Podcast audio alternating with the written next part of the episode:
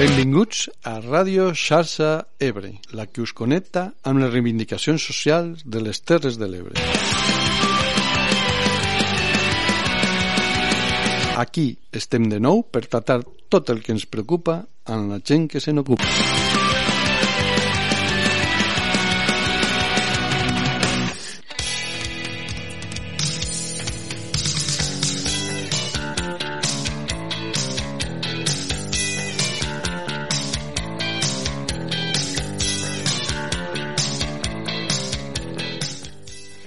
Bon dia, bona hora, bona gent. Començarem aquest pinzellades d'agost de l'any 2021 en, bueno, en una de color, de color roig o de color groc i roig i no és cap bandera, és el color del foc.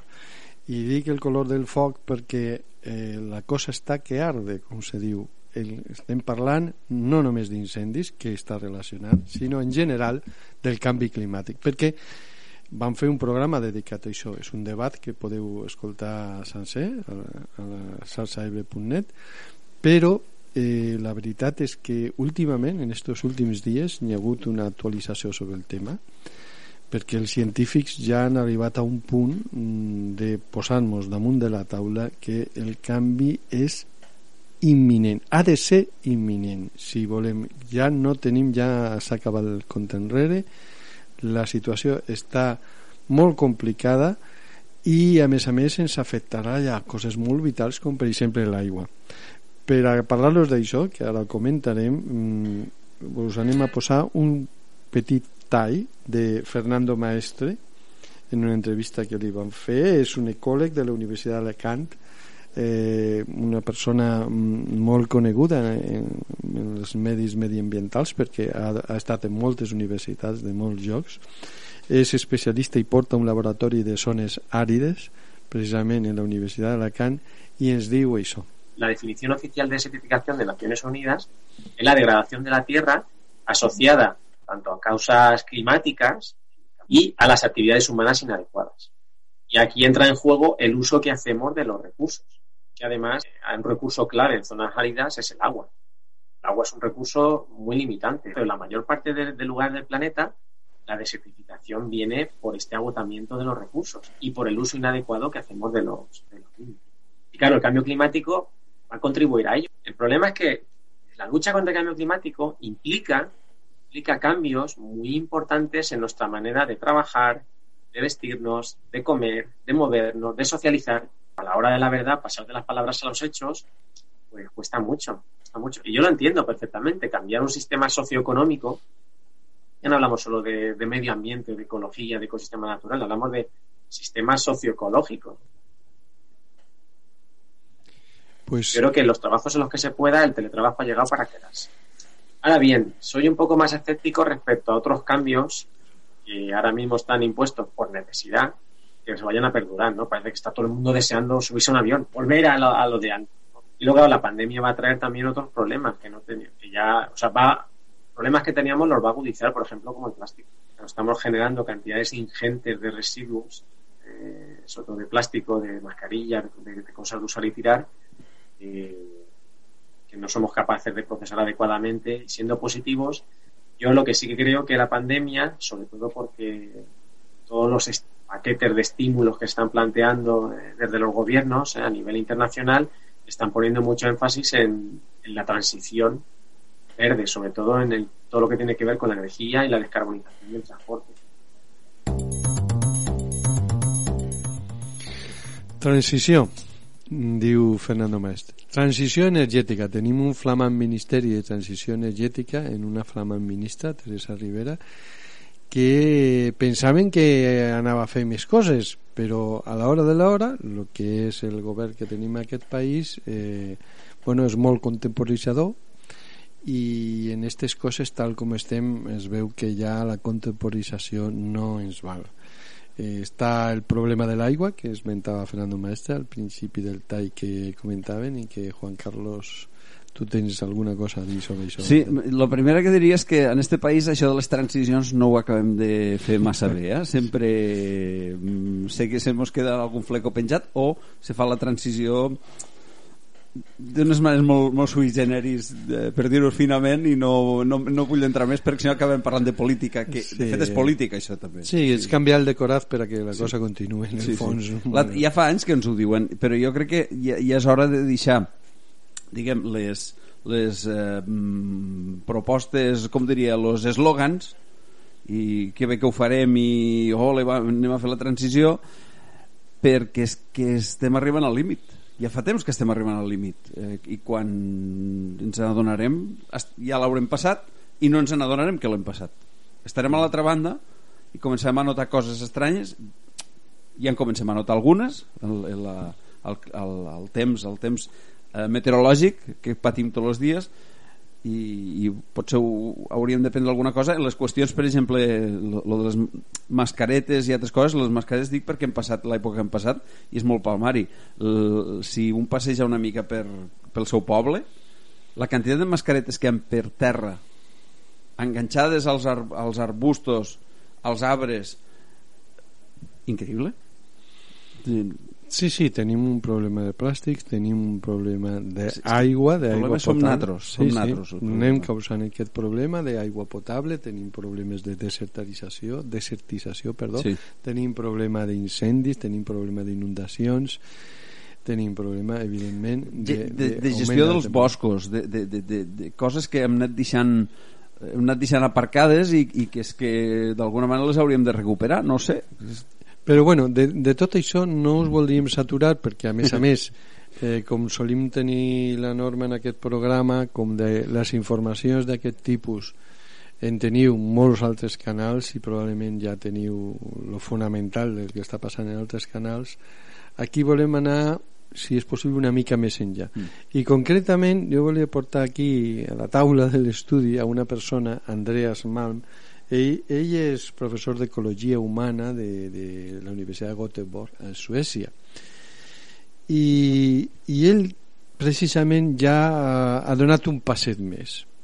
Ja no eh, se trata només de denunciar el que està passant sinó de proposar solucions.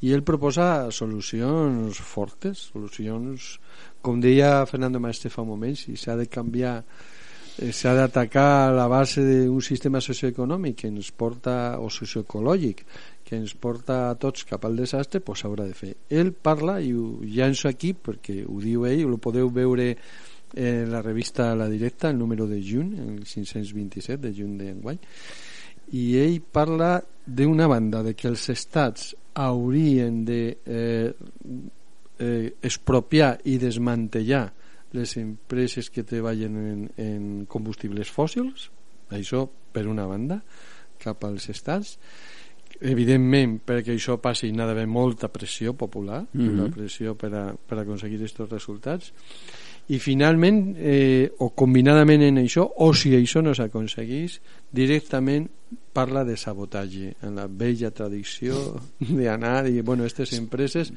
s'haurà d'aturar d'alguna manera si no ho fa l'Estat pues començarem per fer accions que no són que no eh, posen en perill la vida de ningú que no malbaraten en fin, però que siguin enèrgiques de fet ell arriba a dir una cosa ja un poco una mica provocativa del moviment del canvi climàtic. Dit en bon català seria algo així com el moviment del canvi climàtic o contra el canvi climàtic ha de deixar d'anar en lo giri a la mà.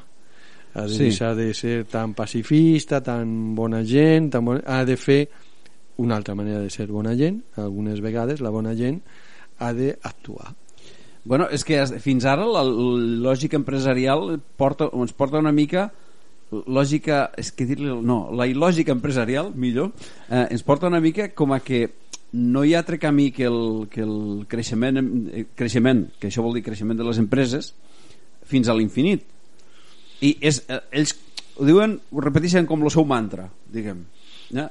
potser li hem de posar un mantra igual i de la mateixa potència, és a dir, el nostre mantra és desmuntar les empreses. Perquè quin, quin és lo, no fa molts dies llegia un article i quina és la lògica d'una empresa com Repsol, Amazon Apple, m'és igual. És créixer fins a l'infinit. Mm. fagocitar-ho tot. Ar i anar-se després a l'espai. Sí. I, I quina és la lògica? És que encara mos creiem que les empreses eh, grans la seva feina és fabricar coses? No, la seva feina ara mateix de la majoria de multinacionals és guanyen més en els diners en el negoci financer derivat de totes les operacions bancàries que fan que no produint produint és una cosa produïm mòbils, però si produïm mòbils i després de, guanyem un munt de diners en totes les operacions derivades de produir mòbils en el debat sobre el canvi climàtic... M'estava indignant ara. Para, Vicent. no, no. Si és que jo crec que cal indignar-se. En el debat sobre el canvi climàtic, el debat 28, si no recordo malament, mm.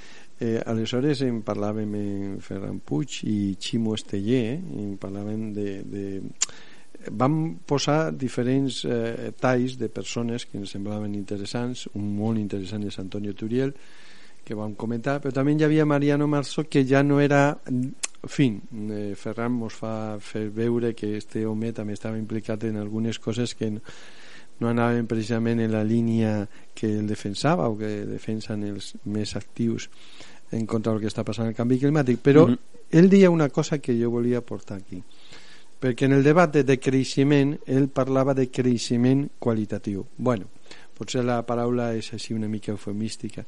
Però jo crec que quan per exemple tu deies no, és que les empreses només se plantegen el creixement per mi el problema és que és el tipus de creixement que es plantegen. Sí. Hem de créixer, els éssers humans hem de créixer. El que passa és que el problema és que es veu que l'única manera de créixer és créixer el capital, créixer els diners, sí. créixer la propietat material de les coses. N'hi ha altres maneres de créixer. Hem de defensar altres maneres de créixer sí. com a éssers humans. I una de les coses que hem de créixer és precisament en justícia climàtica i en equitat i en moltes altres coses que encara tenim pendents. És, és molt, eh, està molt bé el que dius.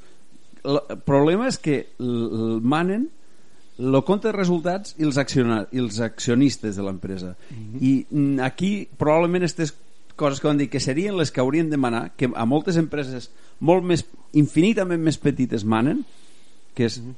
per a què tinc l'empresa? per a poder viure jo que és probablement més d'una persona que estigui escoltant que sigui empresari pensarà per a viure jo bé per a que els meus treballadors tinguin una vida decent i ho anem movent. No necessito fer convertir-me en lo superempresari de, Eh, però aquestes empreses no, aquestes empreses funcionen altra, en una altra lògica, no hi ha una persona... La, la cosa és, seria possible introduir en aquestes empreses de la manera... Ells, allò que probablement algú haurà sentit alguna vegada optimització del procés de fabricació que és millorar-lo per a que la, mm. has, fins ara ha sigut reduir despeses eh, que coste menys que no sé què que facin entre el procés de fabricació aquestes variables contamina menys eh, gastar menys embalatges, que les coses siguin més respectuoses en medi en el medi ambient, no sé, aquestes coses que farien que...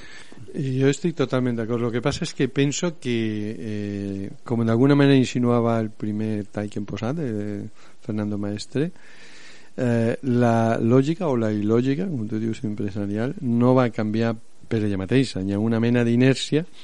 Aleshores, això ha d'intervenir el poder públic pressionat per la gent més conscient. Mm. És a dir, eh, tu li has de posar coto això, és a dir, s'ha acabat aquestes coses no es poden fer és a dir, no es pot seguir contaminant el planeta mm, a més d'intervenir perquè això que tu dius, que em sembla una excel·lent idea eh, s'ha defensat durant molt de temps que en el compte de resultats se tingués en compte les variables climàtiques però resulta que se defensava com una cosa de responsabilitat social de l'empresari, sí, sí. de bona voluntat. Com sí. això no ha funcionat, Ara... Pues aleshores s'ha d'imposar mm. s'ha d'imposar des de, des de la participació popular, és a dir, no s'ha d'imposar perquè un senyor o uns senyors ho decideixen, sinó perquè realment la gent és conscient de que això no es pot permetre perquè ens perjudica a tots i d'una manera irreversible, que estem ja en un punt eh, un punt calent, valgui la redundància, i més en un dia com aquest, però en un punt de no retorn. Sí, fa, no fa molt un... No, és que ho estic eh, recordant de memòria i no, no sabré recordar lo, la persona que ho va dir, però el plantejament que feia aquesta persona era si resulta que el delicte ecològic és una, una tipificació d'un delicte que s'ha de provar, que és molt costós de provar perquè has d'aportar proves de que una empresa ha produït un, ha, ha concurrit en del, o ha fet un delicte ecològic per què no ho passem a atemptat ecològic? Mm. O a una tipificació... Atemptat, perdó, no, delicte eh, contra la salut pública. És a dir, a una persona que té set plantes de, mari, de marihuana, ho diré així, la, la, mm, la detenen per, del, per atentat contra la salut pública, que és com se tipifica ara, perdó, eh, hi ha una persona que fa una, un delicte ecològic que contamina el medi ambient, que és de tots, teu meu i dels que ens estan escoltant, i més gent que no ens escolta, diguem, per què no se'l eh, deté per atentat contra la salut pública? Per la salut pública, és a dir, si jo contamino coses que són de tots estic mm. afectant la vida de tots mm -hmm. s'han de moure moltes coses i s'han de moure molt ràpidament. Per tant ha d'haver acceleradors. I les acceleradors pues, moltes vegades venen de coses que en principi han de trencar una mica molles. Desobediència civil com li vulguis, sabotatge com pugui ser, alguna cosa que faci reaccionar sí. i que faci elevar el nivell de consciència en rapidesa com per a que els poders públics intervinguin i això del delicte ecològic que estàs dient pues, acabe portant mesures concretes com per exemple no permetre que se sigui contaminant directament sí. ja no eh, recomanacions no, s'ha d'intervenir s'ha d'intervenir perquè si és una cosa que ens perjudica a tots i que la majoria n'és conscient pues ara és la, ha estat labor pedagògica durant bastant temps per a que efectivament la majoria sigui conscient. Jo crec que en aquest moment la majoria de la població n'és conscient. Però si la majoria n'és conscient ja és una cosa de dret democràtic de fons que l'administració pública intervengui i posi coto a tot això i ja. Sí, estaria bé i potser rebaixar esta, esta distància que s'està donant entre perquè és una qüestió social i té molte, moltes branques i moltes desviacions i derivacions però una de les coses és rebaixar la distància entre la gent que està dalt de totes les cúpules d'aquestes empreses que cobren molts de diners mm. i que viu una mica el seu, el seu món eh, i la gent del, del carrer, la gent del los que tots, la, quan diem la gent a vegades eh, te poden dir qui és la gent? No, la gent som este senyor que tinc davant, que es diu Vicent Punyonosa, i jo que em dic Carlos Fibla, els que vos esteu escoltant, diguem, esta distància s'ha de... Amb, vivim tots al mateix món i hem de patir les conseqüències del món igual. Que sembla que ara, últimament, aquests últims anys, el, el, la gent que està més a la, al, la, la gent que està més al nivell baix de la, no enteneu-me, no, perdoneu-me que digui baix, eh, en el sentit de la base de la societat, els ciutadans de peu, poden patir les bastonades de la policia i les afectacions, però hi ha gent que no, sempre se n'escapa. Sí, i moltes coses per a augmentar la consciència alguns, els que no estiguin d'acord en el que estem dient, direm que, diran que això és eh, manipulació. 698 39 30 63 si ens ho poden dir. Ahí us poden dir directament. Sí. Us poden dir manipuladors, per exemple. Xarxebre.net també, ahí podeu deixar tot. molt bé, molt bé. Però bueno, al final eh, tu intentes donar la informació de la manera més objectiva encara que té la seva manera d'entendre les coses evidentment i, sí. i no, i no se n'amaguen per exemple, per a, per a parlar de dades i com se poden enfocar les dades hi ha una dada que jo fa poc he sentit he llegit, perdó al Tinta Libre, que, que era d'una periodista americana experta en nord-americana, estadounidenca eh, especialista en temes mediambientals que es diu Elizabeth Colbert uh. -huh. i esta dona una de les mm, dades que donava és que de les terres emergides del planeta l'espècie humana n'ha transformat el 50%, la meitat i clar, tu pots dir bueno, pues encara queda una altra meitat una, una altra meitat per destruir per això te dic i dius, però una meitat ja és una barbaritat és a dir, si no canviem el com s'estan fent les coses eh, realment eh, si acabem en l'altra meitat de la mateixa manera que estem eh, transformant la meitat que ja, que ja hem fet això no aguantarà però ni un... una informació que uns poden agafar d'una manera i altres poden agafar d'altra. I, i aquí el que es tracta és de tenir la, la visió clara de, de, del perill que tot això significa per a, per a l'espècie, perquè com algú dia, ja ho parlàvem en un altre programa, potser l'espècie se n'anirà en orris i el planeta continuarà sí. o la vida continuarà, però nosaltres no estarem i ho tindrem merescut. Si és que teniu les ganes d'estar-hi, ser... o de que estiguen els vostres fills, Teniu... nets, etc. I, que, I que tinguin una qualitat de vida, no s'hagin d'enterrar sota un, un, un cúpules a, a la terra per a poder viure perquè a l'exterior no es pugui viure no perquè sé, no potser- tots hagin sigut tan espoliadors com, com Amazon per després agafar un coet i anar a un altre planeta si les coses venen mal dades Sí, perquè en tindrem un altre. És que eh, va estar molt bé que ho digues perquè el plantejament és molt graciós. És enviarem coets a Marte i portarem eh, el, eh, o sigui, les matèries primeres des de Marte, que perquè val no res, costa quatre xavos portar, jo que sé, un quilo de ferro des de Marte a la Terra és fàcil de portar pegues una patada a Marte i ve, ve pegant voltes fins a la Terra Ja, eh? sí, sí. el plantejament tan flipat d'alguns és eh, perdó que fa servir paraules tan planes però el plantejament tan, és que anem a un altre planeta podrem explotar els recursos portar-nos a la Terra i a la Terra continuarem. Dale Sí, és el que diguem, la, la prepotència de vegades és eh, humana mm, de l'espècie pot arribar a uns nivells que, que són realment incomprensibles perquè, bueno, tu, tu dius eh, ara per exemple, no? hi ha hagut una pandèmia però hem trobat una vacuna Sí. per tant eh, eh, l'espècie humana sempre acaba superant i no cal preocupar-se tant perquè ja, el canvi climàtic ja trobarem la manera eh, Sí, no sí. sé, algun científic, No. algun tecnològic algun algo i, o si no se n'anem a un No. altre planeta i ja està.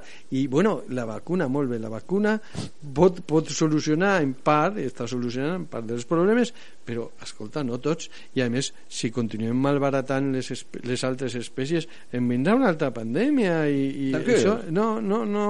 Esta és una, una fugida cap endavant. A Sí. vegades aquestes solucions tecnològiques i no tinc res en contra de la tecnologia ja n'hem parlat però si són solucions d'esta manera són en realitat donar una patada al baló cap endavant fugida cap endavant i el problema pot tornar multiplicat. És que jo crec que fa tres, 200 o 300 és a dir, des de que va començar la revolució industrial que anem donant patades a la pilota cap endavant. Des de que va començar el capitalisme Sí.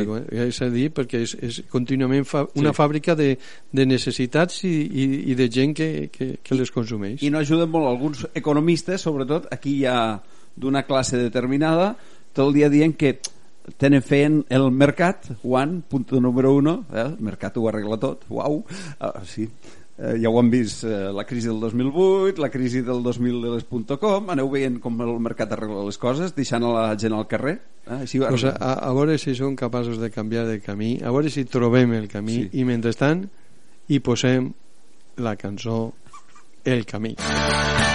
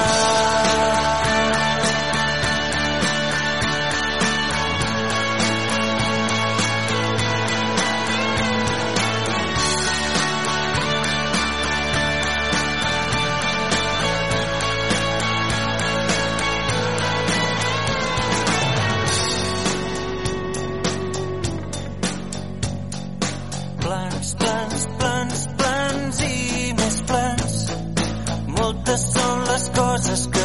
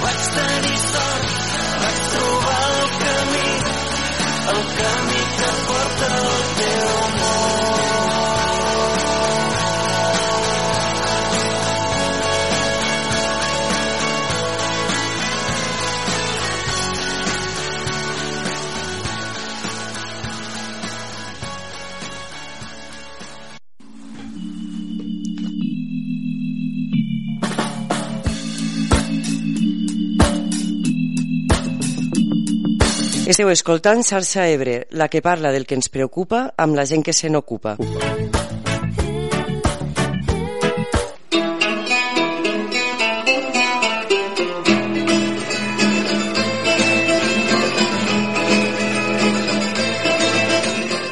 Bé, després d'escoltar el camí de gossos, tornem, tornem per a acabar d'arrodonir la pinzellada esta grossa que estem fent al principi del programa sobre un tema tan candent com el del canvi climàtic. Eh, jo recordo que algú va dir un dia que el problema de tot això és que si tu veus si tu veus una persona que mm, mata altra eh, tens clar qui ha estat el culpable però si s'estan morint persones per inundacions o s'estan morint persones per incendis o... no veus clar que tot això ve de la rapinya i de la, de la cobdícia desmesurada de, d'alguna gent que està en còmodes despatxos a milers de quilòmetres. No veus que tot això està integrat i relacionat.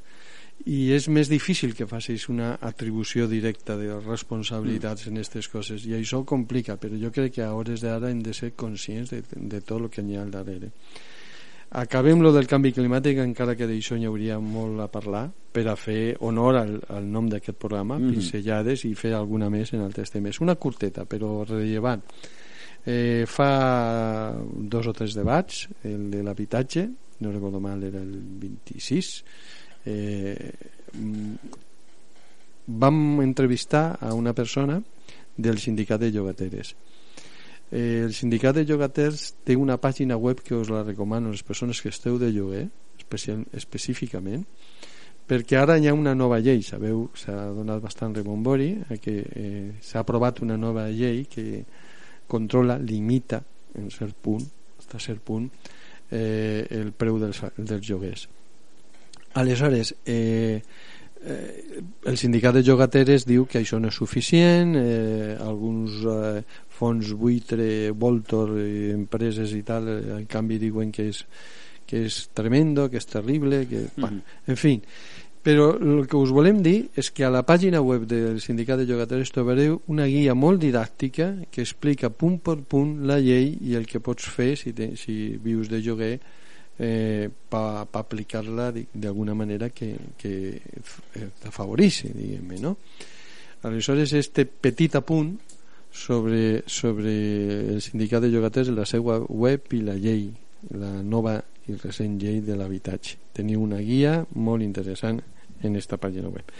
I bé, i ara entrem en, en l'altre tema en què volíem estendre'ns una mica més que és eh, bueno, una notícia del territori que portem ja setmanetes eh, que, que per ahí, Anys, anys, anys, anys. però ara ara està molt en el candelero és el tema de la retirada del monument franquista de Tortosa que s'ha de dir així és un monument És un monument franquista franquista. i, i bueno, la gent que s'hi oposa i un jutge o jutgessa ara no recordo bé que ha paralitzat la retirada del monument que s'anava fent aquest juliol però bueno, nosaltres ho volem portar una mica més enllà perquè si recordeu una vegada que vam parlar d'això era el mateix programa que parlàvem sobre eh, sobre la consulta de Santa Bàrbara eh, sobre la planta de compostatge no? Ahà. la consulta popular Clar, eh, els defensors de que se dice i se reinterprete el monument, eh, l'argument principal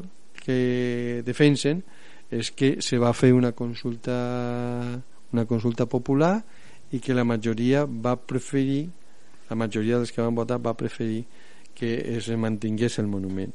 I aleshores això s'havia de respectar això ens posa a, a reflexionar sobre el sentit de la democràcia, el sentit de votar, el sentit de participar i, i bueno, la veritat és que si anem més enllà, més enllà i, i intentem filar una miqueta més fi sobre el tema de lo que és esta mena d'ideal de democràcia participativa que sempre es diu però no s'acaba No, hi arribem. No hi no, arribem. no s'acaba de concretar massa que no és només votar sinó realment participar de les coses, arribar a decisions i clar, quan arribar, arri per arribar a decisions consensuades Mhm. eh, eh, eh, no per una votació diguem-ne eh, di, com dir-ho jo, mecànica perquè Mm. la votació cada persona actua de manera individual cada votant actua de manera individual Mhm. entonces és com quan se fan les estadístiques no? és a dir, un tant per cent pam, eh, opina així un, tot un altre tant per cent opina d'una altra manera no se té en compte la relació entre les persones és a dir, eh, cada un funciona com si fos un àtom independent Sí. En teoria. en teoria, no? I a l'hora de comptar, Sí. punt, no es té en compte. Mentre que les decisions més sòlides són decisions que s'ha s'ha arribat després d'un treball col·lectiu, un treball participatiu col·lectiu. Eh, I clar, hi ha dos models, molt simplificant molt, de com se pot portar eh, aquest treball col·lectiu. Sí. Un és el, el que és model comunitari, una comunitat.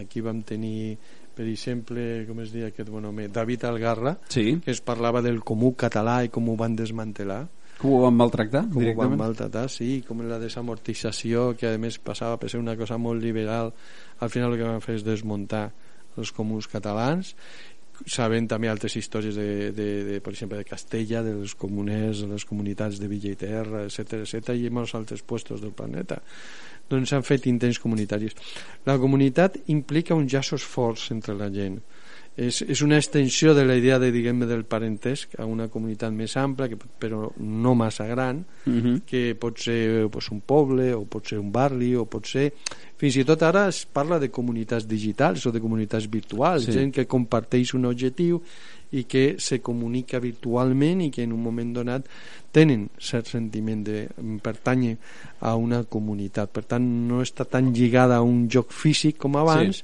però continua tenint tenint una sensació de, eh, de hi ha els que pertanyen i els que no. O sigui, és, Sí. és de dins i els de fora de- d'alguna manera. I l'altra idea del treball col·lectiu és la idea de xarxa la idea de xarxa és més oberta però també implica, ho parlàvem amb la gent de la diàspora ebrenca en el programa de la diàspora ebrenca que la xarxa, al ser més oberta, són amics d'amics, coneguts, no sé què, i aleshores són llaços més febles, més dèbils, i eh, se té tentació de menysprear, però hi ha este tipus de vincles, però hi ha estudis que demostren que, per exemple, a l'hora d'aconseguir feina, la majoria de les vegades no s'aconsegueix directament per un vincle fort, Sí. sinó per un vincle dèbil d'estos, o sigui, un conegut d'un conegut, nivell, un amic sí, d'un sí. amic, Sí. un, un amic d'un parent, un parent d'un amic, etc etc etc. Sí. Per tant, no s'han de menysprear aquests llaços, estos llaços febles o vincles febles, i a més a més, eh, la, la xarxa té esta possibilitat de- d'expansió, no? Però clar, dins de lo que és una xarxa és molt important que eh, eh, a banda dels fils que connecten els nusos i en això volem portar de nou un, un tall de cinta sarroca de la Marea Blanca que en el programa de Confessar-se precisament es va parlar de la importància de les persones que fan de nusos Mm, jo veig que això és una xarxa de persones, no? Perquè l'important són les persones. L'important i el que mou el món i el que mou tot són les persones. Eh, una xarxa està composada per nusos. Estos nusos trauen altres raïls a altres nusos. Llavors penso que l'important d'esta xarxa són els nusos. Són persones claus que són les que arrastren a altres persones fins a l'altre nus. I llavors per a construir una xarxa penso que hem de tindre un, unes persones claus que puguen arribar a altres persones. I aquestes altres persones claus a altres persones. Per això moltes vegades quan, fem, quan comencem a fer alguna mobilització o alguna cosa fem, carai, sempre som els mateixos no és dolent això. Estos mateixos som els nusos que cridem a les altres persones i que uns als altres a les altres persones. I quan un nus pel motiu que sigui se trenca s'ha de cosir com els pescadors ha de tornar a fer nus allí. I la xarxa se trata d'això de persones i cuidar-nos les persones que les formen part Bueno, tal vegada penseu que ens estem anant massa lluny i que estem, com se diu popularment, eh, portant aigua al nostre molí, perquè, clar, Sarsa, que és Sarsa Ebre, és lo nostre, però estàvem parlant del monument franquista, com ens hem anat a parar a la Sarsa? Perquè ja veureu, eh, arribarem, no? Arribarem. Eh, perquè tot va de democràcia participativa i democràcia uh -huh. participativa significa precisament fer comunitat o fer xarxa, fer nusos entre la gent i no és tan fàcil. Escoltem a Eva Amposta el que ens va dir sobre això ni tan sols tenim la cultura de la participació. Moltes vegades obrim a participació, sotmetem coses a participació i, i passen per una enquesta de Twitter o per una votació telemàtica. I això no és participació. Participació implica molt, molt coneixement, molta implicació i, evidentment, poder transportar això en un àmbit polític pues és un treball a llarg termini. No perquè ho posem en un programa electoral de farem quatre referèndums a l'any, pues siguem participatius. No.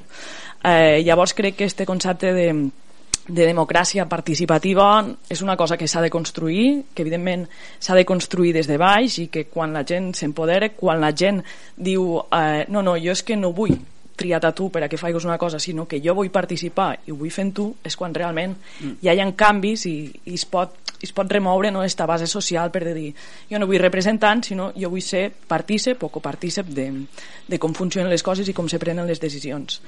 Aquí, aquí volíem arribar, Eva, perquè clar, al final no es tracta de, de, de fer una votació mecànica, es tracta d'arribar, arribar a participar i fer un consens almenys de qüestions bàsiques. I després no hi haurà coses que no podem arribar i que la premura del temps ens obligui a prendre decisions i potser eh, això hagi de votar.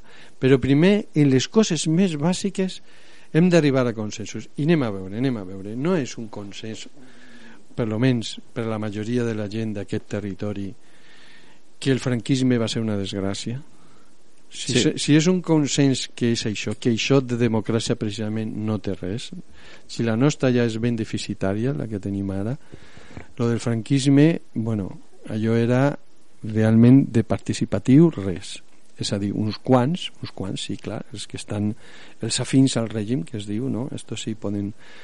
Però eh, si no hi ha un consens, o per almenys una opinió forta, majoritària, de que determinades coses no es poden permetre, i no es pot permetre un retorn al feixisme, com no es poden permetre una, una vulneració fragant de qualsevol dret humà és a dir, en això hem d'estar ferms i hem d'estar clars.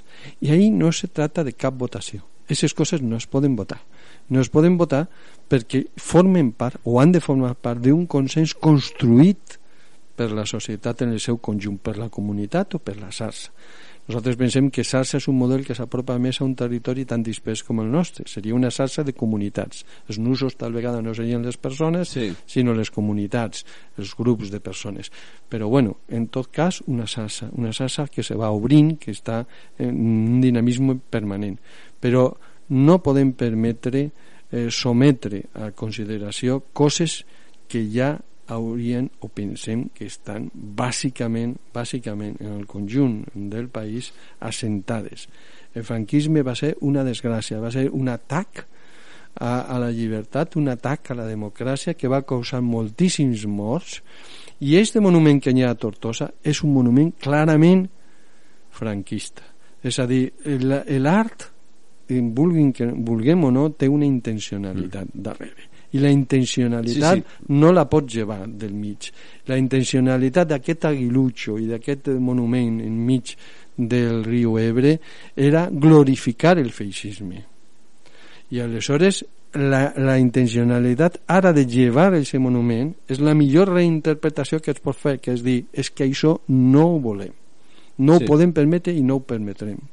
Bé, és que una mica el franquisme era la, la, el silenci de les tombes, diguem, quan he tombat a l'oponent l'he destrossat i els que queden o els que puguen quedar estan amagats i no s'atreveixen a treure el cap perquè si el trauen ja sabíem què passava. Eh, llavors no sé, trobo que seria una bona opció traure-ho, desfer-me'n de tots i començar de zero. Eh, que pot ser que s'ha d'explicar i aquí és en falla crec la cosa a les persones que se senten se poden sentir agredides per això per, per aquesta voluntat d'eliminar de, aquests monuments explicar i arribar a, a, a que entenguen per què, de, per què els hem de treure.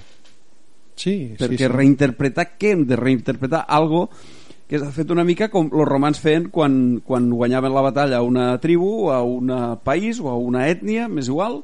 Encara que no hi havia tots aquests conceptes els romans simplement passaven la pisonadora i com va fer el franquisme passaven la pisonadora. És quan ja he guanyat i no queda ningú planta un monument dient he guanyat eh, i ell llavors intenta fer una espècie de remedo de, de, pas, de fer creure a la gent que allò és un monument que intenta fer la concòrdia en qui la concòrdia si no queda ningú per a re- portar-te la contrària Fins i tot la forma del monument recorda molt els obeliscs que, que, que, tenien, que eren triomfalistes. Són, els són... monuments mm, franquistes i ja sabem i, a veure, eh, Alemanya, l'Alemanya Hitler o a la Itàlia Mussolini tots tenien estes, este, esta aparença diguem. ni Mm. els romans eren tan, tenien tan mal gust fent un sí. arc de triomf. Sí, però que, que no és que m'agrada eh? en, en Alemanya tindria sentit mantenir, jo que sé, una creu gamada immensa en algun edifici perquè com a memòria històrica de que va Sí. existir el nazisme. No, el nazisme, jo no sóc partidari de que s'oblide, no, jo sóc partidari de la memòria històrica.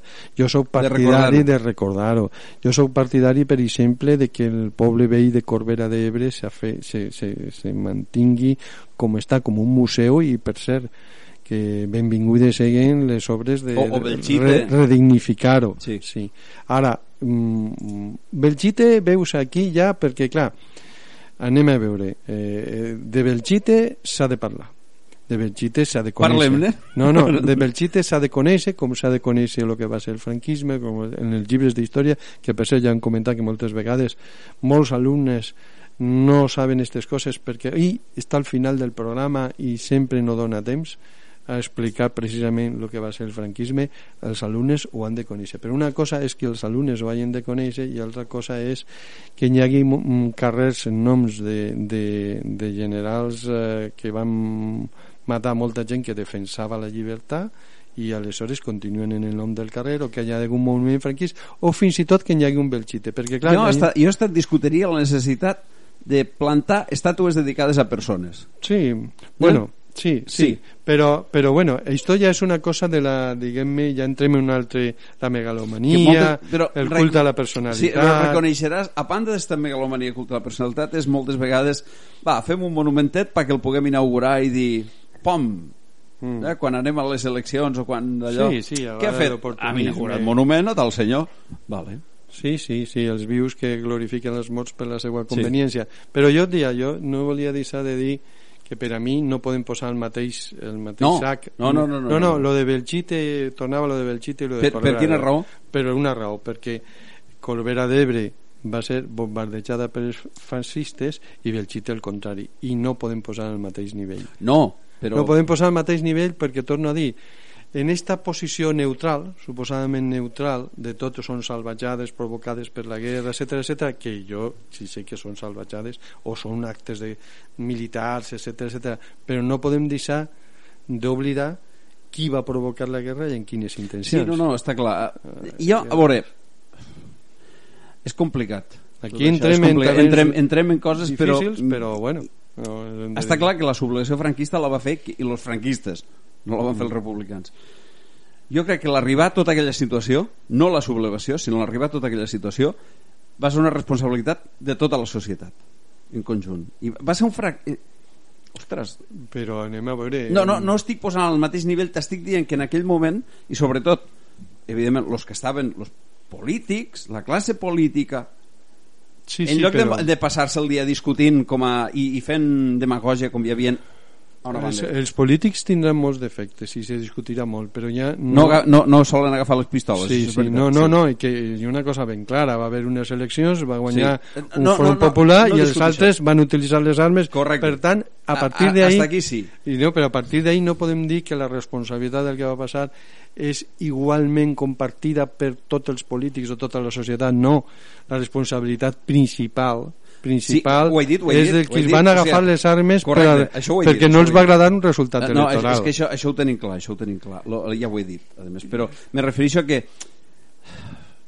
eren uns temps molt convulsos Sí, i no hi havia manera que ho- la dreta deixés de tocar la pera Bueno, hi ha, hi ha dretes i dretes, però hi ha una dreta... i l'esquerra li seguís que és el joc i, No, i però hi ha, hi ha una gent que pensa que el poder de manera natural, el seu primer era per inspiració divina i després perquè se senten més preparats, o els que tenen més diners, més possessions, segons ells més cultura, jo que sé què.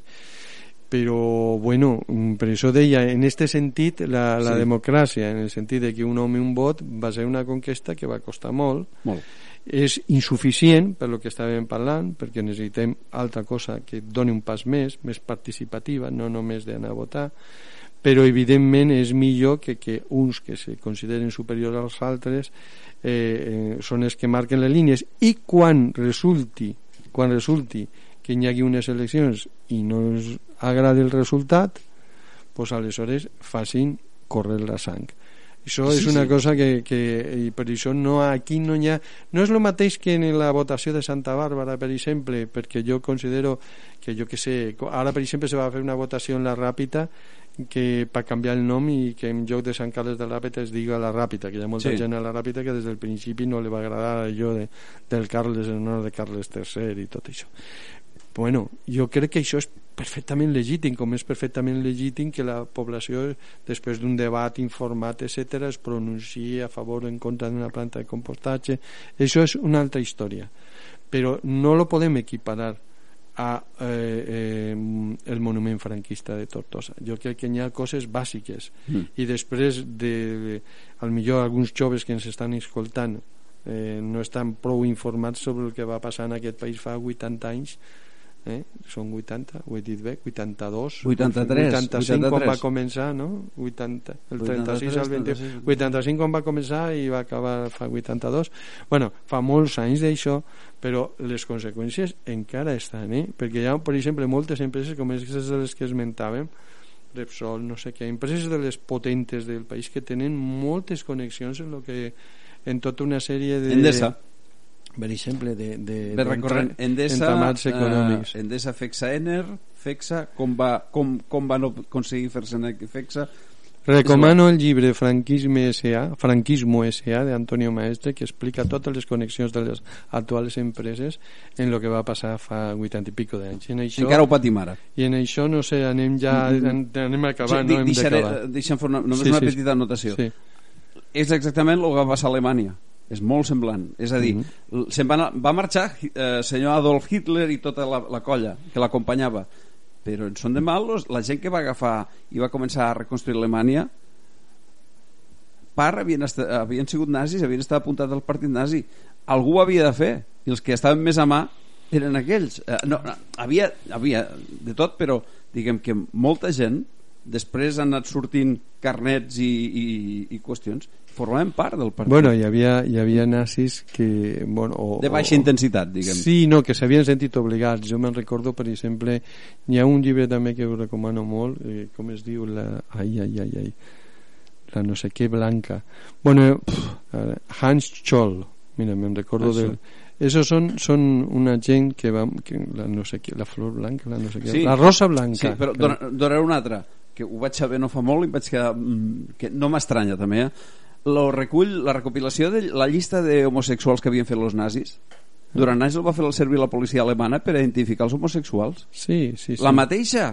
Sí, durant uns anys. Sí però deixa'm vull acabar... dir que els sistemes no canvien les, i les cultures dels països no canvien Sí, tan sí, fàcilment. però deixa'm i acabar- això no és disculpa eh?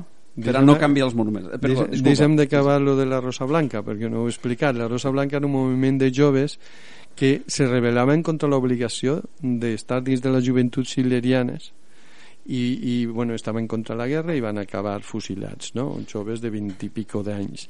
O sigui, hi ha molta gent que va estar d'alguna manera obligada. Però bueno, qui va aprofitar més eh, els nazis, els coneixements dels nazis, alguns obtinguts als campos de concentració, coneixements mèdics que molt discutibles, van ser precisament Estats Units, Israel, també aquí a Espanya se van utilitzar i en altres països de Latinoamèrica. És a dir, eh, sí que això va passar, però també hi ha hagut un moviment fort per a denunciar tot el que hi ha darrere Sí, sí, sí, nazis, sí, sí, no? correcte, I, indubtable. I això, i de tant en tant pues, posat en evidència el passat i algú ha tingut que justificar fins i tot premis nòbils perquè en algun moment donat havien donat suport al, al, al règim nazi pressionats o no pressionats, voluntaris, equivocats o el que sigui, això ja seria una llarga història bueno, i en això acabem gràcies per haver-nos escoltat. Posem ara una cançó, un món de flors i violes i després ens acomiadem.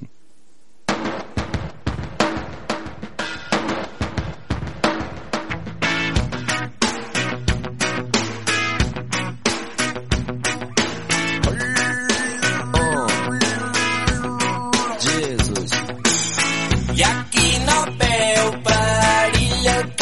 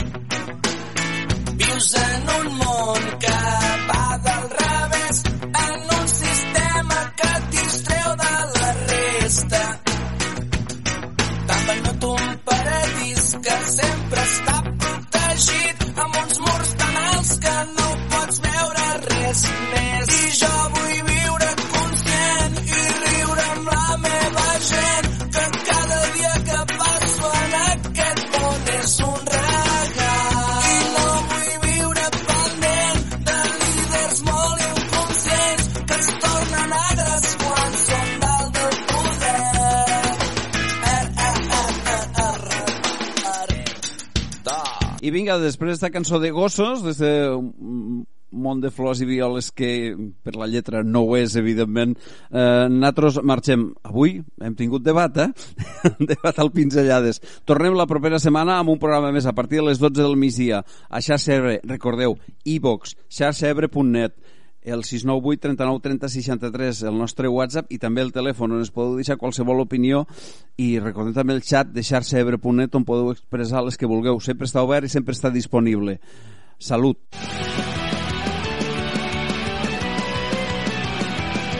T'esperem a la propera emissió de Xarxa Ebre. Ens trobaràs al WordPress, al Gmail, Facebook, Twitter i a l'iVox. Sempre amb aquesta etiqueta, Xarxa Ebre.